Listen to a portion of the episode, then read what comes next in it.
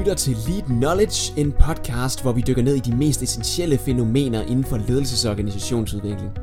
Mit navn det er Niels Vium, og jeg er ledelseskonsulent i Lead Enter Next Level, og så er jeg din vært her i podcasten.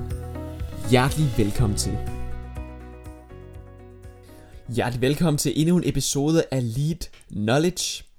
I dag der skal vi tale om den offentlige leadership pipeline 2, fordi der er netop udkommet en bog, om, som er en opdateret version af den offentlige leadership pipeline. Der er sådan nogle, øh, nogle elementer, som, som forfatteren simpelthen har ment, der er brug for at tage i spil, på baggrund af en række nye ting, som vi også skal, skal have fået få svar på her i dag. Hvorfor er det egentlig? Så øh, til det der har jeg taget dig, som er redaktør og medfatter på den her bog, Offentlig Leadership Pipeline 2. Rasmus Thygrøn, hjertelig velkommen til. Tak skal du have, Niels. Rasmus, hvorfor mente I, at det var essentielt at skrive en opdateret version, altså en version 2 af den offentlige leadership pipeline? Jamen, der var, øh, der var flere årsager, og de sådan helt centrale, hvis jeg skal gøre det lidt kort, jamen det var det selvfølgelig først og fremmest alle de erfaringer, vi har gjort os i arbejdet med, med offentlig leadership pipeline igennem de sidste øh, år. Og, og den anden ting handlede selvfølgelig også om øh, den nye kontekst, som øh, mange offentlige organisationer og ledere skal navigere ind i, altså nogle skærpede krav, nogle nye tendenser og dagsordner, der er, sådan er, er væltet ind over hele den offentlige sektor, siden at den første hmm. bog den kom. Så det er egentlig sådan en bevæggrund for at, at skrive en, en ny øh, bog, som øh, hedder Offentlig Leadership Pipeline 2.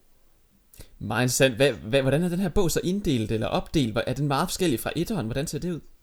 Jamen, opdelingen, vi har egentlig sådan uh, taget uh, fire hovedafsnit, kan man sige, i den her bog, og, og i det første afsnit, uh, eller del af bogen, der kigger vi sådan lidt tilbage. Hvad er det, vi har lært af alt det her arbejde med, med offentlig leadership pipeline i, i en offentlig sektor?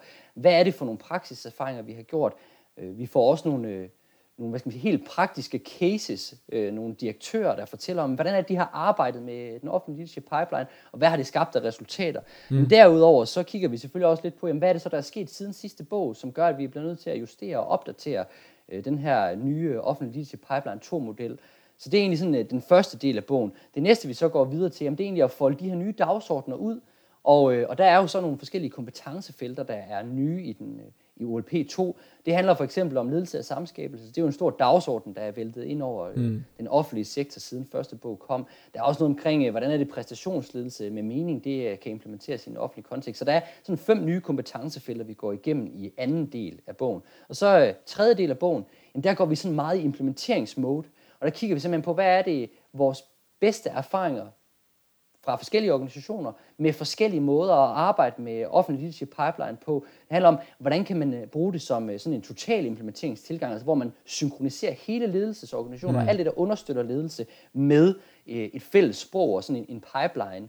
Og, og det næste handler om, jamen, hvordan kan man bruge det som et implementeringsredskab, så det kalder vi sådan en strategiimplementering. Hvordan kan man bruge de her principper og tanker fra offentlig leadership pipeline til at implementere strategisk vigtige dagsordner, og sidst men ikke mindst, hvordan kan man kan man lave sådan en ringe i vandet tilgang, hvor man måske prøver øh, den her offentlige leadership pipeline tænkning og model af i nogle forskellige enheder, og så lige så stille spreder det sig måske til hele organisationen. Så det er sådan øh, den, den tredje del, og så den sidste del, øh, jeg vil nævne her, jamen, det er den fjerde del, hvor vi kigger lidt på, hvordan kan man bruge den offentlige leadership pipeline og, og den her tænkning ind i andre ledelsesdiscipliner. For eksempel, hvad sker der, når vi kombinerer øh, ledelsesdisciplinen omkring ledergrupper med en offentlig leadership pipeline-tænkning? Hvad sker der, når vi kombinerer den versatile ledelsesmodel, som vi også arbejder meget med i LEAD, med en, en tænkning om det her med rette ledelse på rette niveau? Så mm. det er mm. sådan uh, de fire centrale afsnit i bogen. Mm.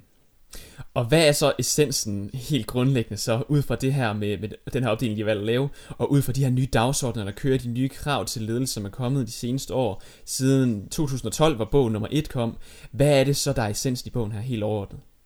Jamen, det er selvfølgelig nogle sådan grundlæggende justeringer, og, og, og den første ting, vi har været inde og arbejde med, det er at sige, jamen, det er rigtig fint at have en sammenhængende ledelseskæde. Det er jo det, som vi har været meget optaget af. Hvordan kan vi få de her sammenhængende ledelseskæder med rette ledelse på rette niveau? Her der har vi altså valgt at udvide modellen, fordi det, der, der er centralt, det er selvfølgelig, at man får en velfærdskæde, som hænger sammen mm. hele vejen fra det politiske niveau og hele vejen ned igennem ledelseskæden, ned til medarbejderne og også ud til borgeren. Så det er altså noget med at inddrage nogle nye roller, kan man sige, i den her samlede kæde, hvor at den politiske ledelse er en tilføjelse, og selvfølgelig også det øgede fokus på medarbejderrollen, men også borgeren som er vigtigt at få inddraget i den her velfærdskæde. Så det er sådan den ene justering, vi har lavet. Så en anden justering, vi har lavet, det er, at vi har styrket fokuset på, på resultatskabelse. Altså, hvad er det grundlæggende resultatansvar, den enkelte leder har?